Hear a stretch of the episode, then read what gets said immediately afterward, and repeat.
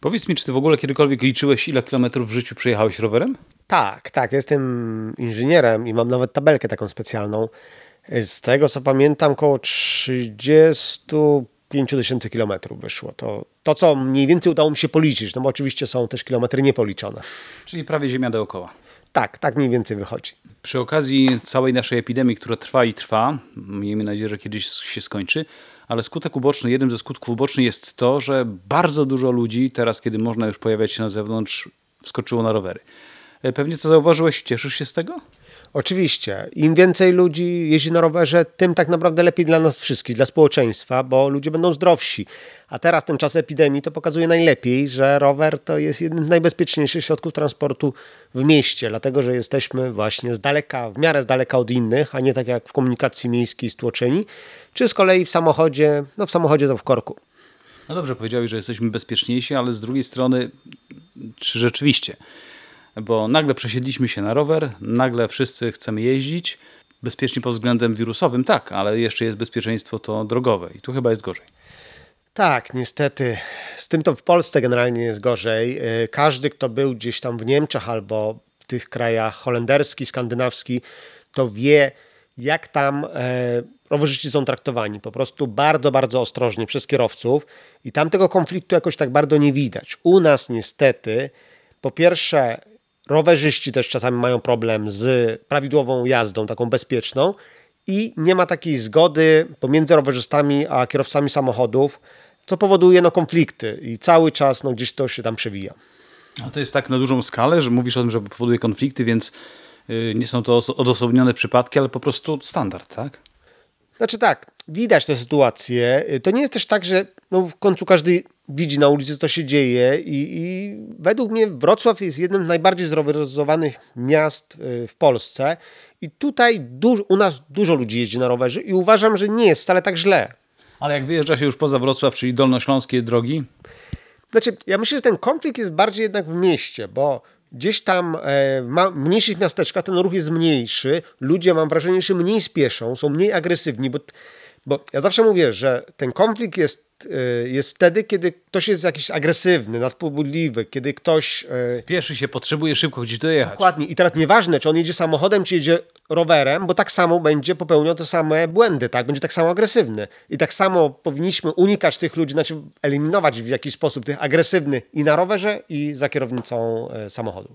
Przed chwilą wspomnieliśmy o tym konflikcie, który od zawsze dzieli e, rowerzystów i właścicieli samochodów, chociaż właściwie czasami to są ci sami ludzie, bo raz się przesiadamy tu, raz tu ale z tego powodu wynikają niebezpieczeństwa na drodze, między innymi. Tak, ale właśnie dobrze wspomniałeś o, o, o tym aspekcie. Najlepiej jakby rowerzysta jednocześnie jeździł i na rowerze, i e, za kółkiem samochodu, i odwrotnie.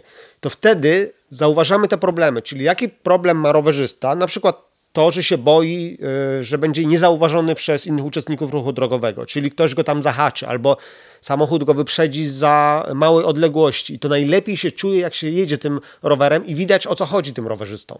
Co jest z Twojego punktu widzenia człowieka, który no, kilkadziesiąt tysięcy kilometrów e, przejechał rowerem, największym problemem, jak się jedzie po drogach tu na Dolnym Śląsku? E, myślę, że to w miarę proste. Po pierwsze, duża prędkość. Jeżeli mnie samochód wyprzedza z dużą prędkością i za blisko, to są dwie takie bardzo niebezpieczne rzeczy, szczególnie jeżeli jest to ciężarówka, która ma przyczepę. Nie wiem, może Państwo y, mieli taki przypadek, że jesteśmy mijani przez ciężarówkę z przyczepą i w momencie, kiedy nas mija ta druga przyczepa, kiedy jest ta luka, to jest taki wir wciągający i autentycznie można zostać wciągniętym pod koła ciężarówki i to się zdarza niestety. I to jest absolutnie najbardziej niebezpieczna sytuacja. To w tej chwili mówisz o, o jeździe takimi ruchliwymi, e, dużymi drogami. Tak, to dotyczy jazdy poza e, miastem, natomiast w mieście ta prędkość cały czas dotyczy. Nie bez przyczyny mówi się, że jednak największym problemem jest zbyt duża prędkość. I to mówię to też ja, jako kierowca samochodu, który też no, lubi jeździć samochodem, absolutnie w mieście powinna być mniejsza prędkość, czyli powinniśmy się poruszać z mniejszą prędkością. Dotyczy to kierowców samochodów. To jest e, jeden wątek, ale też e, w tym przypadku no, weźmy pod uwagę drugą sprawę. Wiele osób startując na rowerze, wyjeżdżając na ulicę, robi to pierwszy raz od długiego czasu, a czasami w ogóle pierwszy raz od zawsze. No i wymyślają sobie tak, mam dobry rower, mogę bezpiecznie jechać. Chyba się nie da tak, to nie wystarczy. No oczywiście, że nie, nie wystarczy jesteśmy uczestnikami ruchu drogowego, więc musimy znać przepisy i zgadzam się, że no nie wszyscy znają te przepisy, nie wszyscy, nawet jak znają, to się stosują do nich. No i co wypadałoby przed skoczeniem na rower trochę najpierw poczytać, zobaczyć? Dokładnie, wystarczy przejrzeć nawet jakieś strony poświęcone, zresztą prowadzę taką stronę y, o, o rowerach, tam jest praw, dział prawo y, o ruchu drogowym i właśnie te wyjątki, tak, wyjątki dotyczące rowerzystów, co na przykład, prosta sprawa, y, bardzo dużo ludzi, to mnie zadziwia cały czas, myśli, że można jeździć rowerem po chodniku, a absolutnie, generalnie w 98% przypadków nie wolno jeździć rowerem po chodniku i koniec, kropka. Dlaczego? Dlaczego? Dlatego, że chodnik jest dla pieszych. Bo piesi również są tymi uczestnikami ruchu drogowego i również oni są zagrożeni, mogą się czuć przez szybko pędzących rowerzystów. Czyli w tym przypadku, jeżeli ktoś jedzie i dzwoni intensywnie, jeszcze denerwując się na pieszych, nie ma racji, mówiąc delikatnie. Oczywiście, mówiąc delikatnie, dokładnie tak. Bo nawet jeżeli są, bo są, jest parę przypadków dopuszczających ruch rowerów e, po chodniku, na przykład w przypadku bardzo złych warunków atmosferycznych, to nawet jeśli wtedy może jechać legalnie chodnikiem, to absolutnie ma ustępować pierwszeństwa pieszym i żadnego dzwonienia na pieszych. To jest jedna sprawa. Druga rzecz, która mnie jako kierowcę czasami irytuje, choć sam też wiele kilometrów przyjechałem rowerem, ale jednak to jest to, jedzie dwójka ludzi, jadą obok siebie bardzo szeroko drogą. To jest dopuszczalne czy nie? Jest taki przypadek, jest to dopuszczalne wtedy, kiedy to nie hamuje e, ruchu i tak dalej, i tak dalej. Czyli nie przeszkadza innym uczestnikom ruchu drogowego. Bardzo uznaniowe. Dokładnie tak. To jest bardzo uznaniowe i oczywiście mm, tu chodzi o to, żeby można było jechać obok siebie w przypadku jakichś takich dróg, no nie wiem, bardzo poza miastem, gdzie nie ma tego ruchu, no ale nie, nie da się ukryć, że czasami jest to nadużywane.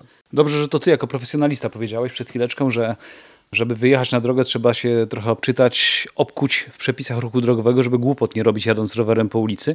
Ale samo to nie wystarczy. Nawet jeżeli mamy świetny rower, to wypadałoby też chyba potrenować. No tak samo jak wsiadam do samochodu, najpierw muszę zrobić kurs i nauczyć się. Tylko czy i jak rowerem można się nauczyć też jeździć? A może jestem w błędzie, nie trzeba. E, oczywiście trzeba i nawet, e, ponieważ ja działam w takim stowarzyszeniu Wrocławska Inicjatywa Rowerowa i nawet o tym e, długo myśleliśmy właśnie, jak zrobić tą edukację dla ludzi, do, dla dorosłych, bo ludzie się wstydzą często, nawet jeżeli właśnie by chcieli się nauczyć jeździć na rowerze, no to nie, no jak, też ja nie umiem, no tak głupio gdzieś pójść do, do szkółki jakiejś, ja mam na rowerze, przecież to każdy umie na rowerze jeździć. Wsiadam i jadę, nie? Dokładnie, a nic bardziej mylnego. Jest to szczerze mówiąc temat, który, którym przydałoby się zająć. E, właśnie taka edukacja e, dorosłych. I nawet były takie zapytania do nas do stowarzyszenia i były osoby, które uczyły kogoś, jak dojechać z miejsca zamieszkania do pracy i jadą tą całą trasę i podpo, podpowiada ta osoba, która umie od nas y, jeździć, na, powiedzmy, ma, ma, duże doświadczenie, w jaki sposób bezpiecznie starać się przejechać ten odcinek. Że na przykład, jazda z instruktorem. Dokładnie tak, jazda z instruktorem. I to przydałoby się naprawdę wielu, wielu osobom. Na które wątki w takim przypadku zwracałbyś uwagę? No bo wiadomo, że człowiek, który wiele kilometrów przejechał rowerem, miał do czynienia z wieloma sytuacjami, wie już intuicyjnie w pewnym momencie, bo intuicja to nic innego jak wiedza też, na co uważać, czego nie robić, co robić. Na co byś zwracał uwagę takim nowicjuszom? A ich jest dużo, jak widać, zwłaszcza teraz w czasie koronawirusa. E, na przykład na taki aspekt. Jedziemy, niestety we Wrocławiu jest sporo ulic starych, brukowanych, gdzie są tylko kawałki asfaltu, gdzie jest strasznie nierówna nawierzchnia, pomorska choćby, prawda?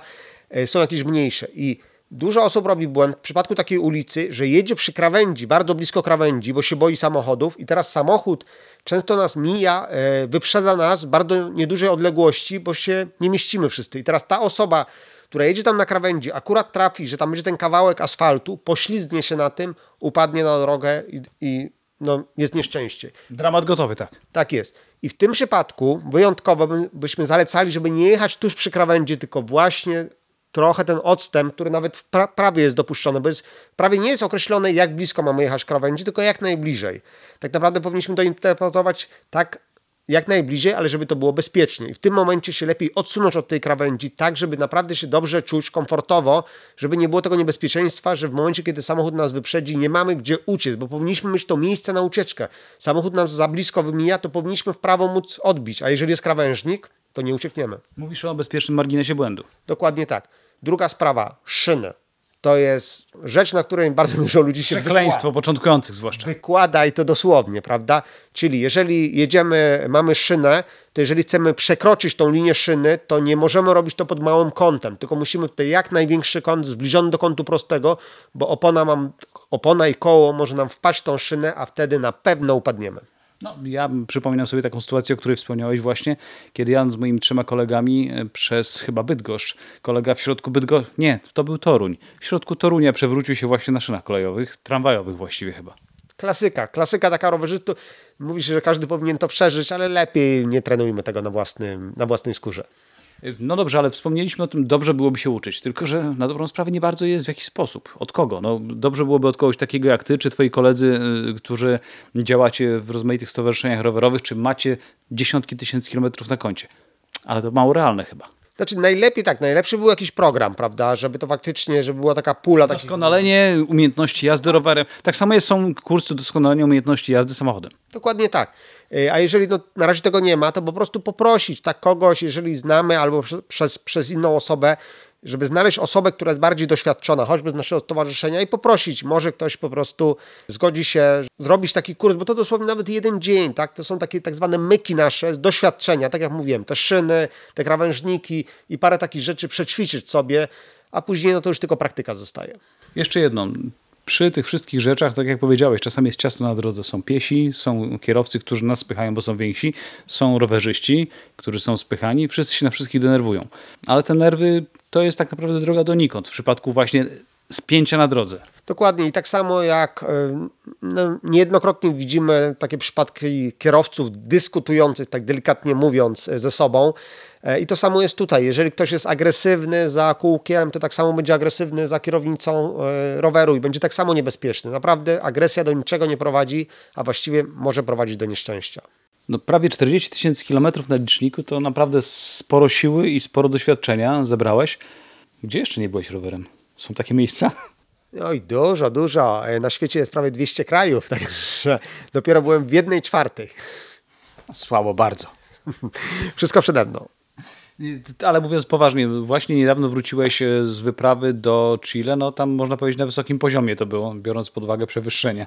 Na tej wyprawie byłem w styczniu i w lutym. To była dwumiesięczna wyprawa, jedna z dłuższych e, i tam chciałem wjechać jak najwyżej rowerem. Udało się? Znaczy tak, udało się wjechać jak najwyżej. Udało się wjechać na wysokość 5900 metrów. Tak szczerze mówiąc, chciałem pobić rekord świata y, w tej dziedzinie, który wynosi 6200 metrów ponad. Niewiele ci zabrakło. Niewiele mi zabrakło, dosłownie 200, tam niecałe 300 metrów, y, ale nie dało się. Fizycznie to było niewykonalne, bo droga była już tak stroma, y, tak luźna, że, że rower już zsuwał się na dół. No ale mimo wszystko jest to oczywiście jeden z najlepszych wyników na świecie. To jest tylko jedna z rzeczy, którymi się zajmowałeś, bo te, nazwijmy to, no pewnie dla ciebie to jest mniej ekstremalne, ale dla większości z tych, którzy siadają na siodełku roweru, to są rzeczy ekstremalne. W paru dziwnych miejscach byłeś. No, nie wspomnę o tej jednej z pierwszych wypraw, na przykład pod piramidy. Większość to samolotem i tam do Hurgady czy gdzie indziej. Ty rowerem byłeś z Wrocławia. Tak, to był taki pomysł, na który wpadłem, żeby, ponieważ y, byłem wtedy studentem, 98 rok, y, chciałem pojechać do Egiptu i stwierdziłem, że skoro mnie nie stać za bardzo na samolot, to pojadę tam rowerem. I razem z Wojtkiem udało nam się to zrobić. Przy czym od razu mieliśmy takie bardzo ważne założenie, że jedziemy tylko i wyłącznie rowerem i nie wolno nam skorzystać z żadnego innego środka transportu. Czyli ani się podciągnąć, ani, ani przejechać, nie wiem, kawałka autobusem. To wszystko miało być zrobione na rowerze. Udało się prawie 6000 km przejechaliśmy, aczkolwiek wróciliśmy już samolotem. Ale tam na miejsce jak długo jechaliście? Trzy miesiące, to było 75 dni jazdy dokładnie i średnia wyszła 92 km dziennie przez różne dziwne miejsca jechałeś, drogi nie tylko równe, jakbyś to porównał z jeżdżeniem po mieście, na przykład we Wrocławiu. Co groźniejsze? Chyba jazda w mieście po Wrocławiu. Poważnie? Przez wszystkie czasami dzikie ostępy było bezpieczniej? Tak, bo na przykład takim jednym bardziej dzikich krajów to była Syria. W ogóle jednym najbardziej niesamowite. To jeszcze przed wojną było, tak, przypomnijmy. Przed tą wojną to była ta piękna Syria, e, naprawdę no cudowna, cudowni ludzie, ale jeżeli chodzi o ruch samochodowy, no to to był pierwszy taki kraj, który taki dziki, dziki zachód, właściwie wschód czy południe. Dosłownie widzieliśmy, jak ludzie się stukali e, samochodami e, między sobą i nikt z tego jakby nie robił problemów, ale czuliśmy się tam bezpieczni. Później zacząłem myśleć, ale o co chodzi? Tam na przykład skrzyżowanie, jak wszyscy wjeżdżali na skrzyżowanie, to wszystko się korkowało, po czym zaczęli wychodzić, jakoś tam przestawiać te auta i się rozładowywało. I się zastanawiałem, ale tam się czuję bezpiecznie, tam nie widzę żadnych wypadków. I chodzi o to, że w miastach tam ludzie właśnie szybko nie jeżdżą, tylko wolno. Tam się wszystko w wolnym tempie odbywa. Tam nie ma żadnych szaleńczych przejazdów 100 km na godzinę. W związku z tym, nawet jeżeli coś się dzieje, to są to drobne po prostu stłuczki. Wśród tych e, rozmaitych miejsc, które odwiedziłeś e, na dwóch kółkach, były też między innymi no, bezdroża, mówiąc wprost, i pustynie, i, i, i zdaje się też e, wysokogórskie, nie tylko te chilijskie miejsca. Które z nich szczególnie wspominasz? No bo to masa doświadczeń, masa też ciekawych przeżytych przygód. Bardzo wspominam miło północ Indii, czyli Ladakh, gdzie byłem dwa razy, bo w 2000 roku pojechałem tam tak jak normalny turysta, znaczy prawie normalny, czyli poleciałem samolotem sobie i autobusem przejechałem taką słynną drogę Lech Manali, wysokogórską, gdzie wspina się droga na 5300 metrów i postanowiłem, że wrócę tutaj rowerem kiedyś. I to kiedyś nastąpiło w 2018 roku, czyli po 18 latach i tą tęże samą trasę przejechałem rowerem. Czyli Jakie miałem, wrażenia? No, niesamowite, tak? To jest naprawdę to jest taka droga, ja to, to lubię porównywać, że tak jak Himalajista, czy człowiek, który się wspina w górach, chce wejść na Monteverest, ma ten Monteverest ma coś takiego magicznego, bo może nie jest najtrudniejszą górą na świecie, to samo ta droga. To też nie jest najtrudniejsza może droga na świecie, ale jest absolutnie jedna z naj, najwyższych dróg na świecie, jedna mimo wszystko z najtrudniejszych dróg na świecie i najbardziej niesamowitych i absolutnie to potwierdzam. Nie widzę, żebyś rower odwieszał jeszcze albo ustawiał w piwnicy, czyli w takim sensie, że nie wsiadał na niego, więc zapewne masz jakieś plany, które, no inaczej może nie plany, a marzenia, które warto byłoby spełnić. Przyznasz się do nich? Planów jest zawsze dużo. Y, Antarktyda? Planów mam zawsze dużo, wolę ich nie zdradzać. Na pewno myślę teraz znowu o powrocie do Polski, dlatego że ja tak naprawdę prawie w ogóle nie jeździłem po Polsce, tak, tak, y, jeżeli chodzi o wyprawę, tak. Jeździłem jakieś krótsze trasy, przejechałem całe wybrzeże, ale w 2016 roku, kiedy przejechałem Polskę w linii prostej, właśnie chciał, chciałem też udowodnić, że w Polsce też można zrobić jakąś taką wyprawę, tak? taką wyprawę przez duże W, coś, coś w stylu wielkiej przygody. I to samo, szczerze mówiąc, cały czas mnie to kręci, żeby znowu coś takiego powtórzyć i myślę nad tym bardzo intensywnie. Czyli rozumiem, że będzie to coś mocno nieoczywistego. Tak, tak, bo właśnie lubię. Tak naprawdę dla mnie tym celem jest droga, tak? E, nie taki jakiś konkretny cel, tylko, tylko sposób przejechania, tak? Tak jak są istotne zasady, że nie wolno mi się podciągać nigdzie, bo właściwie w każdej e, mojej wyprawie jest ta zasada, że nie wolno mi skorzystać z innego środka transportu, no bo to jakby zmienia, zmienia postać rzeczy, prawda? Co innego, jeżeli możemy sobie, o, dzisiaj jesteśmy zmęczeni, sobie podciągniemy, bo, lu, bo leje, gumę złapałem, a tutaj nie, nie wolno, musimy sobie radzić sami.